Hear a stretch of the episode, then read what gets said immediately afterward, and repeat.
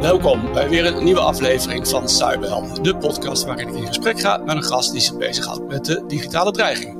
Mijn naam is Ronald Prins en deze keer ga ik in gesprek met Jeroen Dijsselbloem, tegenwoordig de voorzitter van de Onderzoeksraad voor de Veiligheid. En we gaan het hebben over het zojuist verschenen rapport van de Raad, dat gemaakt is naar aanleiding van het Citrix-incident van begin 2020, alweer twee jaar geleden. Hartstikke leuk dat je uh, mee wilt doen, Jeroen.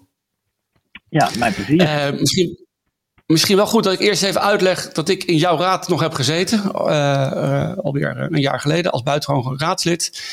En uh, bij het starten van het onderzoek was ik nog heel even aanwezig, maar ik moest zo nodig weer een uh, bedrijf beginnen. Uh, maar dat maakt wel dat ik extra nieuwsgierig was naar, naar jullie resultaten. Um, en voordat we de diepte ingaan over het onderzoek dat jullie gedaan hebben, misschien is eerst goed als je even wil uitleggen wat de OVV nou precies doet. Ja, de Onderzoeksraad Veiligheid is, bestaat nu in een jaar of 15. Het is eigenlijk voortgekomen uit verschillende onderzoeksinstanties rond transport, luchtvaart, scheepvaart, rail. En is onder de bezielende leiding van Pieter van Vollenhoven, veel mensen willen dat nog weten. Die heeft dat allemaal bij elkaar georganiseerd. En toen is dat de Onderzoeksraad voor Veiligheid geworden. We hebben eigenlijk een heel breed mandaat. Dus wij mogen alle voorvallen, zo heet het in onze wet, onderzoeken die te maken hebben met veiligheid. Dus waarbij de veiligheid in het geding is. En wij kijken vooral naar de veiligheidsvoorvallen die ook gewoon burgers raken burgers zijn vaak afhankelijk van overheden of van bedrijven voor hun veiligheid. Uh, en juist dat soort situaties vinden wij ja, belangrijk. Daar, daar, zijn wij, daar streven wij naar veiligheidslessen om gewoon de risico's op herhaling uh, en de schadelijke effecten van uh, dit soort voorvallen te, te proberen te beperken in de toekomst. Dat is eigenlijk wat wij doen. En dat gaat inmiddels op een breed terrein. Dus ik noemde al de transportsectoren. Maar we doen ook onderzoeken in de zorg, in de industrie. Denk aan de chemische industrie. Um, en inmiddels dus ook uh, cybersecurity. Ja, en um, um, hoe moeilijk is het voor jullie om met de mensen die je hebt opeens in zo'n nieuw thema te duiken? Want je hebt wel hele andere kennis nodig om zo'n onderzoek te kunnen doen. Ja, zeker. Dat is, uh, wij doen natuurlijk zulke verschillende, in zulke verschillende sectoren onderzoek dat we steeds moeten zorgen dat we de expertise of in huis hebben of in huis halen. Kijk, digitale uh, vraagstukken komen nu zo vaak voor. Uh, ook in hele zeg maar, klassieke onderzoeken van de onderzoeksraad komt steeds vaker technologie, digitale technologie, uh, speelt steeds vaker een rol. Dus we hebben een aantal mensen gewoon echt in huis gehaald die die kennis hebben. we bouwen hem natuurlijk ook zelf op door mensen op te leiden we bouwen het ook op door steeds meer werk hierin te doen. Uh, en daarbij natuurlijk ook deskundigheid um, uh, in te huren of te vragen ons te helpen. We hebben onderzoek gedaan uh, alweer tien jaar geleden, dus ver voor mijn tijd, naar DigiNotar. Een ja. veiligheidsprobleem bij certificaten voor de overheid. we hebben onderzoek gedaan naar digitale veiligheid in ziekenhuizen. Ziekenhuizen zijn natuurlijk ook steeds verder ja, hangen van digitale systemen aan elkaar. En de patiëntenzorg komt echt acuut in gevaar wanneer die digitale systemen niet meer werken of uitvallen. Mm-hmm. En zo zie je dat we geleidelijk aan op dit terrein ook expertise opbouwen. Ten slotte hebben wij bij uh, ingewikkelde onderzoeken altijd een begeleidingscommissie. Waarin we dus ook echt mensen, experts van buiten laten meekijken om ons. Die doen niet het onderzoek, maar die adviseren, die kijken mee, die bekritiseren zodat we zeker weten dat we een goed rapport leveren. Ja, oké. Okay. Um, en, dan, en dan het Citrix-verhaal. Uh, wat was voor jullie nou specifiek de aanleiding om dat onderzoek te hanteren? Want ik weet, je, je hanteert nogal een uh, strikt afwegingskader voordat je echt zegt van ik ga zo'n onderzoek ook doen.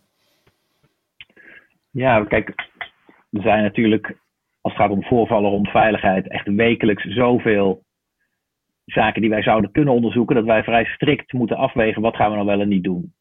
Um, vaak pakken we een, natuurlijk een ernstiger voorval. Dan kijken we naar de maatschappelijke impact of de potentiële impact die het uh, incident kan hebben. Ehm, we kijken naar de vraag ehm, of er veiligheidswinst, en dat is natuurlijk een inschatting vooraf, denken wij dat hier ruimte voor verbetering is. Uh, en zeker wanneer het een structureel probleem is. Nou, dus bijvoorbeeld Citrix uh, gaat het natuurlijk om uh, kwetsbaarheden in software. Software die veel gebruikt wordt, op veel servers draait. en potentiële grote impact heeft als daar lekken zijn, als daar kwetsbaarheden worden misbruikt. Dus dat maakte dit voor ons wel echt een interessante casus. iedereen zal herkennen dat dit soort risico's zich steeds vaker voordoen. Um, met grote impact, potentieel grote impact. Dus dat was ook wel aanleiding voor ons om deze eens te pakken. En dan vooral te kijken naar hoe hebben we het eigenlijk georganiseerd als het gaat om de reactie erop. Um, uh, en bij onze aanbevelingen die daar dan uitkomen, richten zich voor een belangrijk deel op de overheid, maar niet alleen. Ook op de sector, de softwaremakers. En mhm. ook op de gebruikers. Dus we hebben vooral gekeken niet wat is het technische probleem, uh, hoe ziet dat er nou uit? Daar zijn anderen veel beter in. Maar wel, hoe gaan we daar eigenlijk eh, als samenleving mee om? Hoe gaat de overheid daarmee om? Uh, hoe maken we onszelf minder kwetsbaar? Ja, en wat, wat was voor jou het meest opzienbare de, toen je dit onderzoek ging doen? Nou, wat het meeste opvalt is eigenlijk dat wij onderzoeken natuurlijk veel sectoren die uh, al een behoorlijk sterke veiligheidscultuur hebben. Denk aan de luchtvaart, denk aan de chemie. Um, en eigenlijk is het opvallend dat hier dat die veiligheidscultuur er nog niet is. Dus dat gaat over zaken als hoe is het eigenlijk precies ingeregeld, wie heeft welke verantwoordelijkheden. Dat gaat ook over de overheid. Overheid heeft natuurlijk allerlei rollen op dit terrein. Uh, wetgever, toezichthouder, gebruiker. Um, maar het gaat ook over hoe uh, fabrikanten hun verantwoordelijkheid nemen. De wetgeving die daarvoor geldt. Um, hebben we een cultuur van openheid die ook bijdraagt aan het leren van lessen. Nou, het is allemaal eigenlijk nog in ontwikkeling. En dat vond ik eigenlijk het hele opvallende. Want je zou zeggen, nou, we zijn toch inmiddels op digitaal terrein al behoorlijk volwassen. Uh, het is niet zo alsof dit probleem helemaal nieuw is. Maar eigenlijk is het structureel goed inregelen. Uh, daar staan we nog in de kinderschoenen. Ja, nou, en daar richten de aanbevelingen zich ook op. Ja, je, je, noemde bijvoorbeeld aan het begin al DigiNotar-onderzoek, wat de onderzoeksraad ook tien jaar geleden gedaan heeft. En ik vond het wel interessant, we komen straks meer op die aanbevelingen, maar één daarvan is in ieder geval van maak uh, de, de, jaarlijkse, de, de, de, jaarrekening die accountants maken, uh, zorg er nou voor dat uh, ook de digitale winkel daarin beschreven wordt. Of in ieder geval dat er een verantwoording over wordt afgelegd. En dat is tien jaar geleden ook geadviseerd al. Um, ja. En misschien kan je dan even zeggen van hoe landen jullie aanbevelingen? Van, op wat voor manier wordt daar uiteindelijk tegen aangekeken en hoeveel impact hebben ze? Um, nou, misschien eerst even het formele kader. Kijk, wij hebben een eigen wet, de Rijkswet op de Onderzoeksraad voor Veiligheid. En daarin staat beschreven, dat is ook een wettelijke verplichting, diegenen die een aanbeveling van ons krijgen in Nederland, of het nou een publieke of een private partij is, moet tegenwoordig binnen zes maanden daarop reageren. Je hoeft ze niet uit te voeren, wij kunnen het niet afdwingen, we zijn geen mhm. handhavers. Maar je moet reageren, je moet publiekelijk aangeven, en anders maken wij het publiek, uh, hoe je met die aanbeveling wil omgaan. En als je dus het niet doet, uh, moet je dat ook kenbaar maken en argumenteren. En wij reageren daar altijd zeg, binnen een half jaar op. Waarbij wij zeggen, is dit nou een goede reactie? Is dit nou een adequate antwoord op het vraagstuk? Uh, wordt die aanbeveling opgepakt of niet? En dat sturen we bijvoorbeeld naar buiten. Dat is al een belangrijk uh, drukmiddel natuurlijk. Gewoon de media hierover informeren. Of naar de Tweede Kamer. Dat de Tweede Kamer natuurlijk weer de minister tot wetgeving kan uh, aanzetten of optreden of toezicht houden. Um, dus dat is hoe wij werken en dat maakt wel een verschil uit. Je hebt natuurlijk heel veel onderzoekscommissies ad hoc in Nederland en adviesraden. Maar eigenlijk geen van die instellingen hebben de, de, de, de, de, zachte hand, zal ik maar zeggen, die onze wet ons biedt. Um, mensen nogmaals moeten reageren, publiekelijk, ja, op hoe ze onze aanbevelingen oppakken. Dat wil niet zeggen dat ze altijd worden uitgevoerd. Um, en soms uh, als wij na een bepaalde tijd vinden dat het probleem zich nog steeds voordoet, echt niet adequaat is aangepakt, dan pakken we het onderwerp gewoon nog een keer. En dan soms zetten we het ook wat steviger aan waar nodig. Dus die mogelijkheden hebben we. Dat is het fijne van zo'n eigen wet hebben. Die wet zegt dat de enige die kan besluiten tot een onderzoek, of het niet doen van een onderzoek, is de raad zelf. Ja. Er is geen minister die ons kan zeggen, je moet, dus de minister kan ons niet zeggen, je moet dit onderzoeken of je mag dit niet onderzoeken. Dat bepalen wij, uh, dat bepalen wij zelf.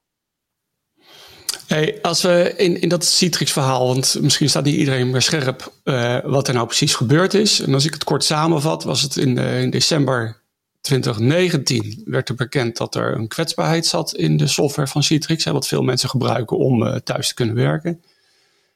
Daar kwam het bedrijf Citrix dan ook vrij snel, binnen een paar dagen volgens mij, al met een, een eh, labmiddel, een notepatch, uh, om dat probleem te mitigeren.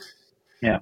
Um, en dat gebeurt eigenlijk continu. Mijn computer staat nu ook uh, te piepen dat ik moet rebooten, want gisteren heeft uh, Microsoft wat updates rondgestuurd. En um, wat is er nou specifiek gebeurd in dat Citrix-domein dat het zo interessant werd voor jullie om er naar te kijken? Waar zat nou de crisis in? Nou, het, natuurlijk, het was een interessante casus, um, omdat het een grote impact had. Um, Citrix wordt natuurlijk op heel veel, eh, door heel veel bedrijven en organisaties uh, gebruikt. Um, privaat en publiek. Dus dat liet ook heel goed zien hoe de reactie van de overheid en andere partijen uh, in Nederland dan verloopt. Hoe informatie wordt gedeeld. Je ziet in deze casus ook hoe software eigenlijk ontstaat. Um, en zich ontwikkelt in de lange levensduur die software soms heeft. Wat het ook ingewikkeld maakte om snel uh, de patches te leveren die uh, nodig uh, zijn. En in die hele korte tijd nadat het bekend wordt, en misschien zelfs al daarvoor, staan alle, nou niet alle, maar staan op veel plekken de veiligheidsbarrières open. Um, dus om dat helemaal te schetsen hoe dat dan werkt en hoe risicovol dat is. En eigenlijk hoe gefragmenteerd ja, en dus onvoldoende we reageren, in ieder geval in Nederland, uh, was dit een uh, goede casus. Ja, want je, want je zegt nu al onvoldoende reageren. We hebben onvoldoende goed gereageerd? Nou, kijk, de, de, de reactie vanuit de overheid is in Nederland toch heel erg opgedeeld in stukjes en zeker niet dekkend.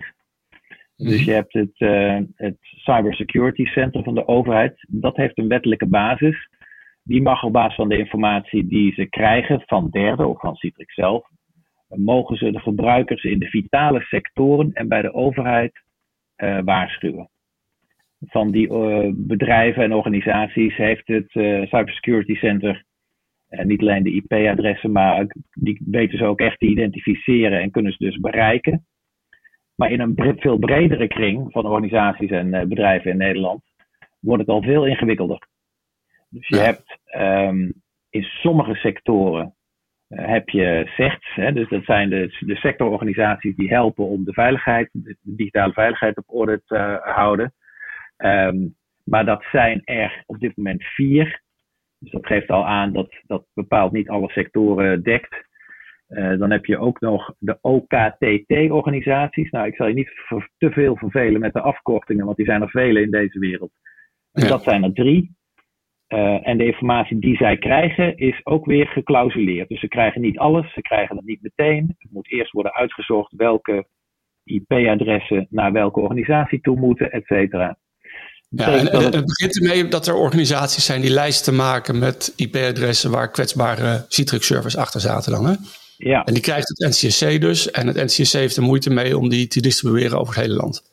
Ja, omdat ja. Um, dat heeft te maken met al juridische barrières die deels begrijpelijk zijn. Maar daar zullen we toch een keer een oplossing voor moeten vinden. Het gaat over privacywetgeving. Uh, IP-adressen kunnen worden gezien als uh, persoonsgegevens. En dus moet daar vertrouwelijk mee om worden gegaan. Um, maar goed, het is dus technisch mogelijk om vrij snel te scannen welke organisaties in Nederland zijn nu kwetsbaar. Ja. Hebben deze software um, draaien op hun service. Uh, en dan heb je dus eigenlijk een lange lijst uh, met uh, IP-adressen. En vervolgens stuiten we op allerlei hindernissen om die informatie zo snel mogelijk bij al die adressen te krijgen. Ja, en, en je beschrijft in het rapport, er staat dan, ik haalde een zinnetje uit, belemmeringen zijn terug te voeren op de juridische interpretatie van het mandaat van het NCSC en evenals de interpretatie van de AVG, dus de, de privacywet. Ja. Um, is, is, jullie interpretatie anders? Uh, vind je dat het NCSC hun taak te, te smal ziet of zichzelf te snel beperkt?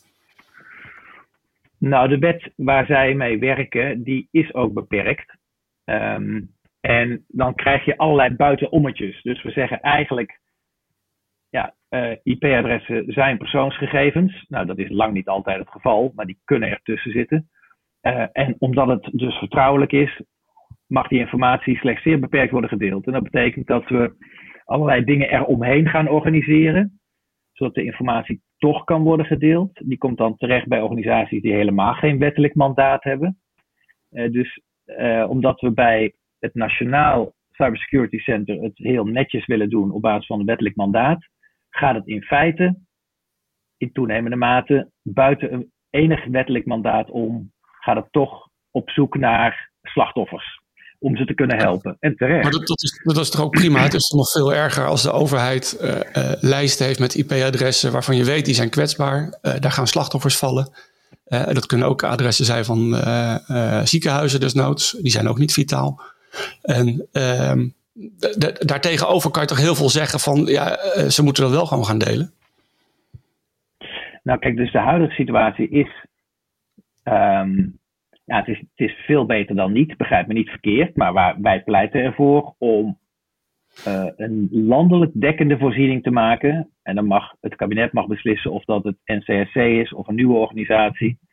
Die een wettelijk mandaat heeft dat veel breder is dan alleen de vitale sectoren en de overheid.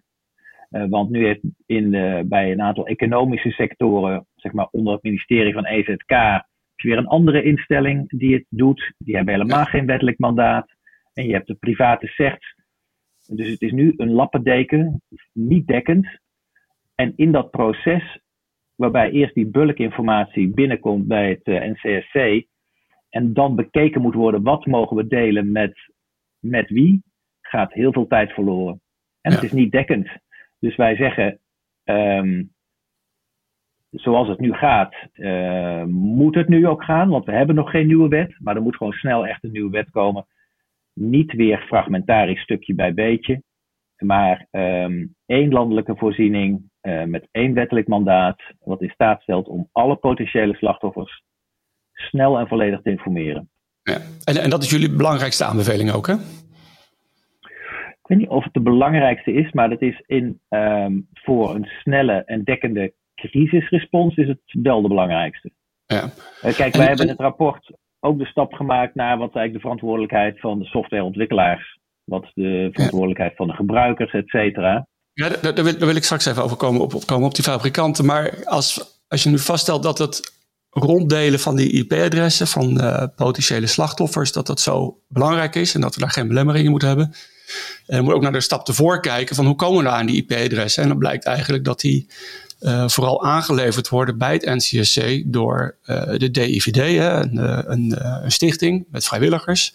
Allemaal jongens die de hele dag met goede bedoelingen het internet aan het scannen zijn. Um, en daar zijn we wel afhankelijk van. Is, is, hoe kijk je daarnaar? Ja, nou ja, ik zou zeggen, gelukkig zijn zij er. Um, en ze verrichten gewoon heel goed, uh, heel goed werk.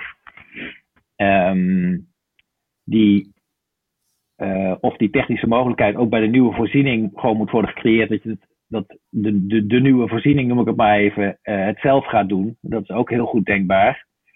Um, maar op dit moment worden we zeer geholpen door de DVD, die dat gewoon als vrijwillig doet. Tegelijkertijd, um, zij doen dat natuurlijk uh, eigenlijk ook zonder enige wettelijke basis. Uh, het is gewoon een particulier initiatief, vrijwilligers die dat doen. Um, maar de informatie is waar zij mee omgaan natuurlijk net zo gevoelig en vertrouwelijk in hun handen dan die van andere partijen. Ja. Dus um, maar je doet er verder geen uitspraken over of je vindt dat het uh, op deze manier voldoende geborgd is via die DVD. Of dat je zegt, laten we het een structureel uh, organisatie maken met overheidsfunding. Of trek het binnen bij de overheid. Nou, daar doen wij eigenlijk wel een uitspraak over. Kijk, wij zeggen, maak één centrale voorziening die deze rol op zich neemt. Mhm. die kan dus ook de rol op zich nemen van het verzamelen en het ophalen van de informatie door het scannen van het internet. moet zeker de rol op zich nemen in het vervolgens die informatie natuurlijk omgeven met allerlei waarborgen. brengen naar de, de potentiële slachtoffers, zodat die direct en snel gewaarschuwd kunnen worden.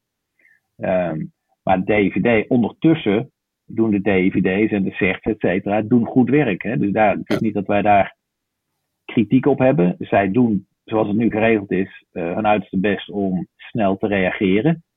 Maar als je er van een afstand naar kijkt, moet je gewoon zeggen, ja, het is en blijft een lappendeken. Uh, en het is niet structureel goed geborgd.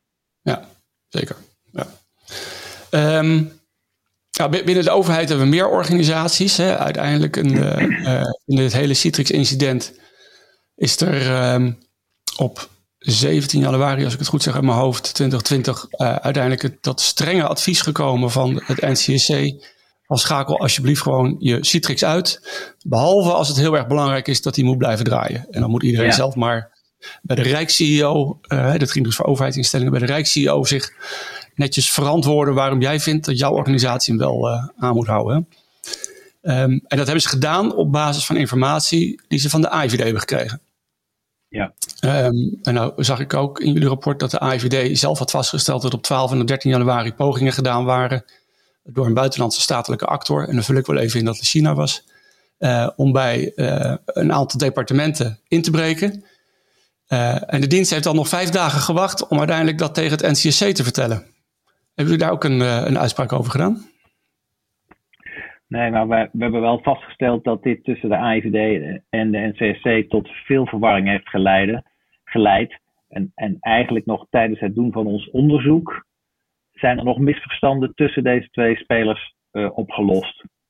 Um, in eerste instantie had AIVD ook de informatie die ze aan het Nationaal Security Center doorgaven geclassificeerd als staatsgeheim. Mm-hmm. Dat was al geen aanmoediging om die informatie te delen. Sterker nog, dan mag je het niet uh, delen. Later heeft de AIVD, ik meen een paar dagen later heeft de AIVD die klassificatie er weer afgehaald. Um, maar dat is niet actief bij het Nationaal Cybersecurity Center geregistreerd. Met andere woorden, hun houding veranderde niet. Ze hebben niet toen alsnog gezegd: Oh, het is niet meer staatsgeheim, dus we kunnen hier nu onmiddellijk actie opzetten en die informatie gaan delen en partijen gaan waarschuwen. Dus dat is niet goed maar, gelopen. Maar, maar het moet toch op zich al, al, voldoende zijn als het NCSC zegt: zet, zet nu gewoon Citrix uit, want wij zeggen dat. He, dus de, um, en, en nu, ik merk uit die discussie, in de, uh, jullie hebben het prachtig beschreven, vind ik. Um, lijkt heel erg dat het NCSC eigenlijk het moest onderbouwen aan zijn deelnemers uh, waarom zij vonden dat het uitgeschakeld moet worden. Dus daar mist een soort autoriteit. Ja, nou ja, dat was het, het tweede. Um, er is discussie geweest over, moet je dat nu adviseren, dringend adviseren of opleggen? Het werd uiteindelijk dringend adviseren. Um, ik denk ook wel dat voor de gebruikers het had geholpen als men had meer informatie had gehad wat de potentiële risico's waren, dus wat er gaande was.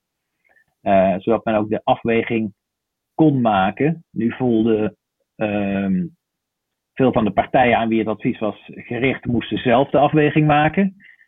Want het was een advies. Uh, en voor hen was het best lastig om af te wegen, ja, wat betekent dit voor mijn bedrijfsvoering?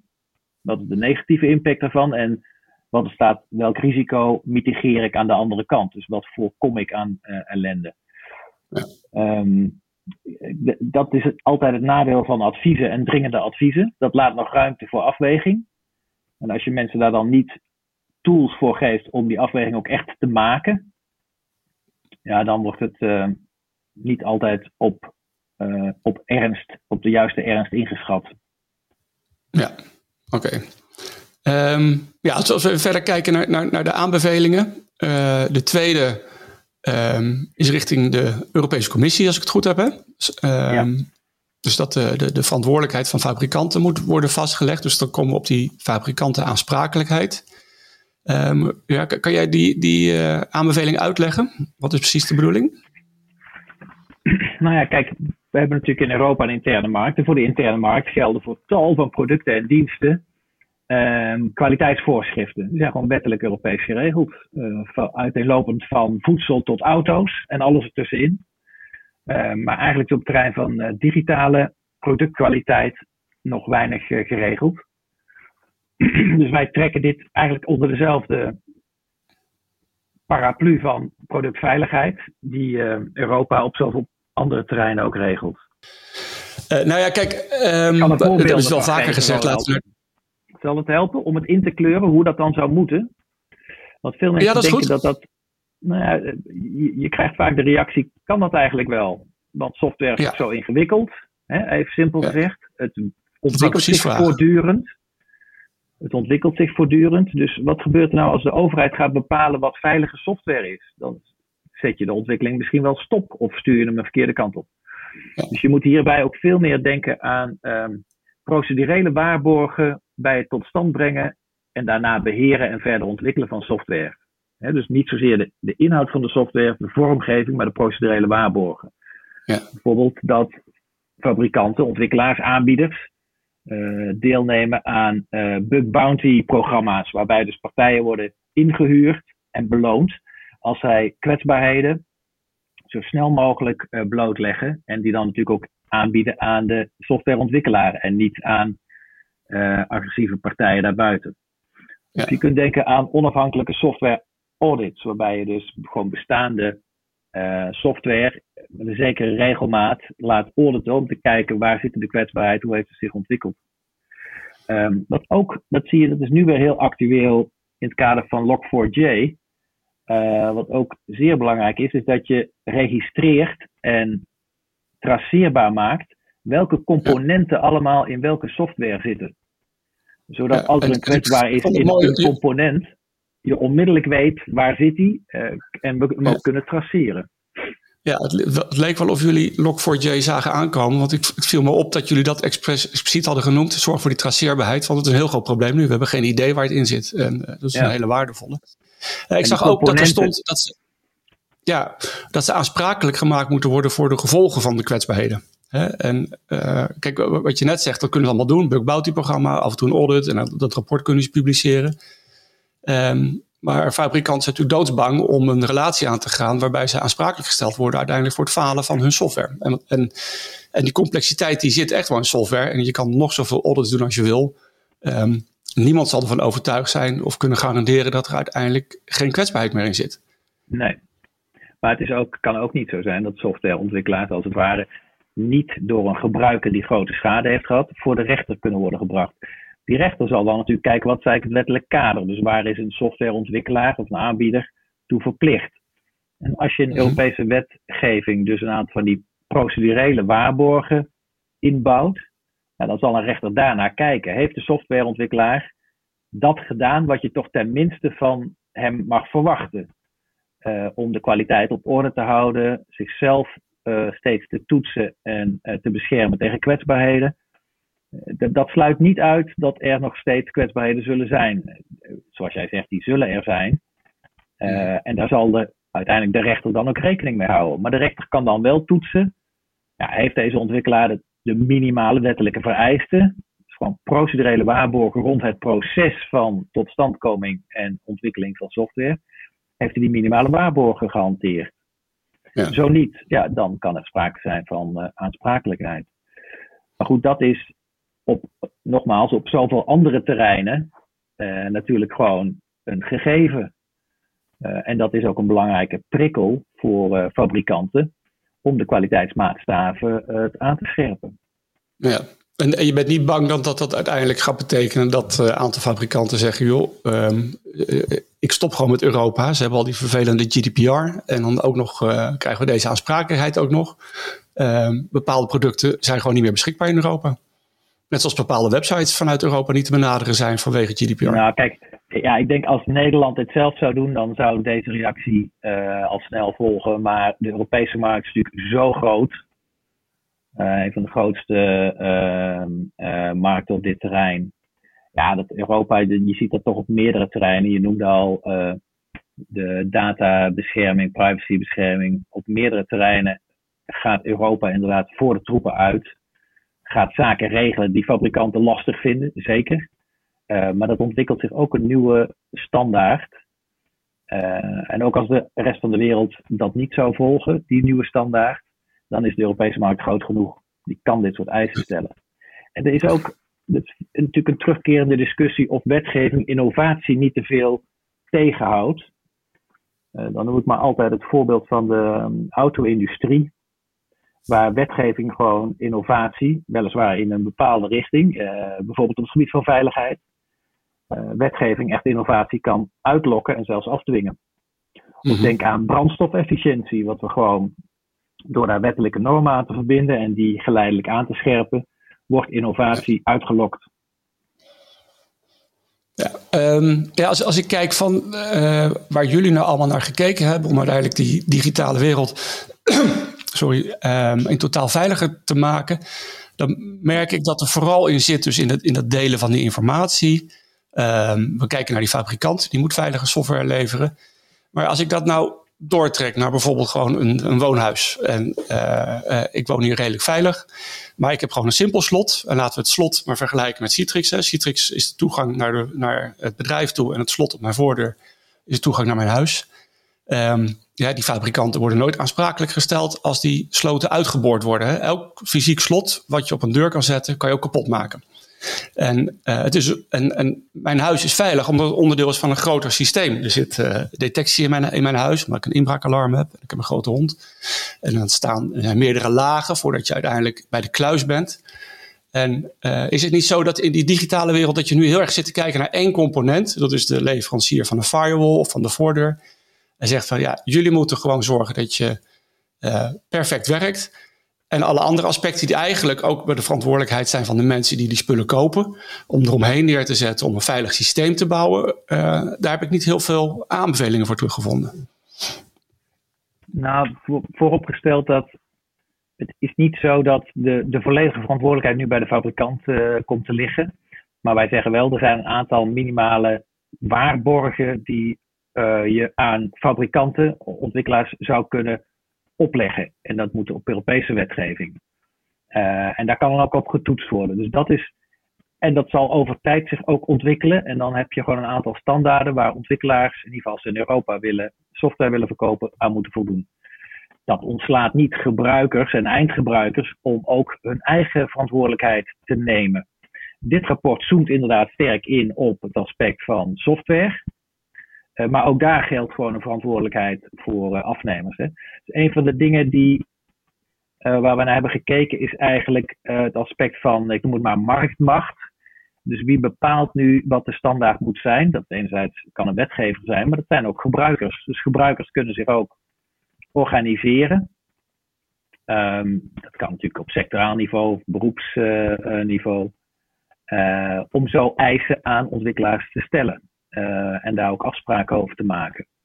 Um, we hebben ook nadrukkelijk aanbevelingen aan de overheid, die natuurlijk ook een belangrijke klant is, een grote klant is. Uh, de overheid moet zelf ook haar eigen kennisniveau en haar eigen de wijze waarop ze de digitale veiligheid organiseert aanmerkelijk verbeteren.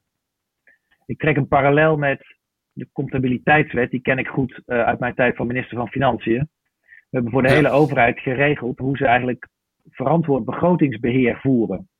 Hoe moet je dat doen? Hoe moet je dat regelen? Hoe voorkom je dat het geld uh, uh, rechtmatig of onrechtmatig of zelfs illegaal de deur uitspoelt? Uh, hoe verantwoord je je daarover? Dat hebben we voor de hele Rijksoverheid geregeld. En de minister van Financiën heeft ook bevoegdheden om daarin in te grijpen. Dus wij trekken die parallel door en zeggen ja, eigenlijk heb je ook een comptabiliteitswet nodig voor de digitale veiligheid bij de overheid.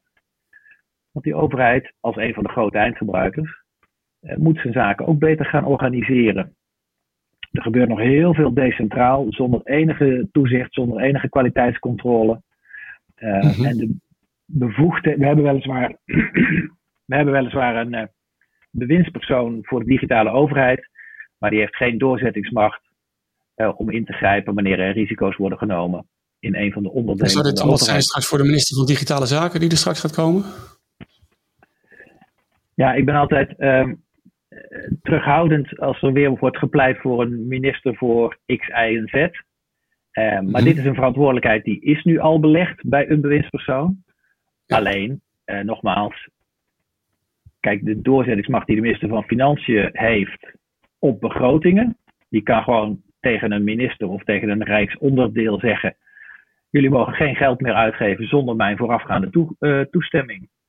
Of ik ga nu uh, organisatorisch ingrijpen in jullie begrotingsbeheer. Er komt een, uh, een nieuw management. dat zijn bevoegdheden die ehm, behoorlijk ver gaan. En die zijn voor het begrotingsbeheer geregeld. En ik zou zeggen, doe dat ook voor je digitale veiligheidsbeheer. Oké, nou, dat is een hele pittige, denk ik, hè? Um, ja, en nog, nog één ander aspect. Als ik nou even doorga met, dat, uh, uh, met die analoog van het, van het woonhuis en hoe dat veilig is. Dat is voor een gedeelte is, is mijn huis ook veilig. Niet zozeer omdat je niet kan inbreken, want uiteindelijk lukt het altijd wel om een steen door de ruit te gooien. Uh, maar we hebben ook een, repressiefunctie. Hè? We hebben gewoon politie en OM die kan vervolgen. Het viel me ook op dat jullie er niet voor gekozen hebben om justitie erop aan te spreken. Misschien moet je eens een keer wat achter die daders aangaan. Want we zitten nu heel erg te kijken naar de fabrikanten van die spullen en naar de slachtoffers. Die moeten aan het werk. Uh, maar we moeten allemaal, we zijn allemaal juist zo angstig vanwege die, die, die, die potentiële gaten. Omdat ook heel veel criminelen rondlopen die het gevoel hebben dat ze alles maar kunnen doen wat ze willen online. Ja, nee, dat klopt. Dit onderzoek richt zich sterk op, uh, naar aanleiding van het Citrix-incident, op de softwarekant. Maar je kunt ook natuurlijk een veel meer justitiële invalshoek kiezen. Helaas heeft de onderzoeksraad een paar beperkingen. Een ervan gaat over het zeg maar militair optreden in het buitenland. Een andere beperking is, um, ja, ik, ik, zeg het niet zoals het letterlijk in de wet staat, maar de, de uitoefening van de justitiële taken. Dus politie, OM, Um, daar doen we eigenlijk nooit onderzoek naar. Hoe dat in die keten verloopt en of dat beter kan. Dat is helaas uitgezonderd in onze wet. Uh, we hebben wel eens Als dat niet zo was, had je wel graag ernaar gekeken? Zeker. Uh, dat is ook bekend. De onderzoeksraad pleit er al heel lang voor om die uitzondering weg te halen. Niet dat we dan volledig daarop gaan duiken. Uh, maar het komt natuurlijk voor, zoals in dit onderzoek, dat het ook interessant zou zijn geweest om te kijken naar de reactie binnen de justitiële uh, organisaties. Hoeveel inzet is daarop gepleegd? Is dat effectief? Hebben, zit daar de voldoende kennis, et cetera? Dat is helaas in de wet uitgezonderd, dus dat doen wij eigenlijk nooit. soms gaan we een beetje over de rand heen als het gaat om openbare orde. maar er zit een beperking. ik heb al vaker, ook in de Tweede Kamer, ervoor gepleit om die uit de wet te halen dat heeft tot op heden nog geen Kamermeerderheid, maar dat zou echt goed zijn. Oké. Jeroen Dijsselbloem, de voorzitter van de Onderzoeksraad voor de Veiligheid. Heel hartelijk dank voor dit gesprek. Elke donderdag kan je naar een nieuwe aflevering van Cyberhelden luisteren. Mijn gesprekken met de Cyberhelden kan je terugluisteren via Spotify, al je favoriete podcast-apps en via de website cyberhelden.nl. Veel dank weer voor het luisteren en graag tot volgende week. Cyberhelden.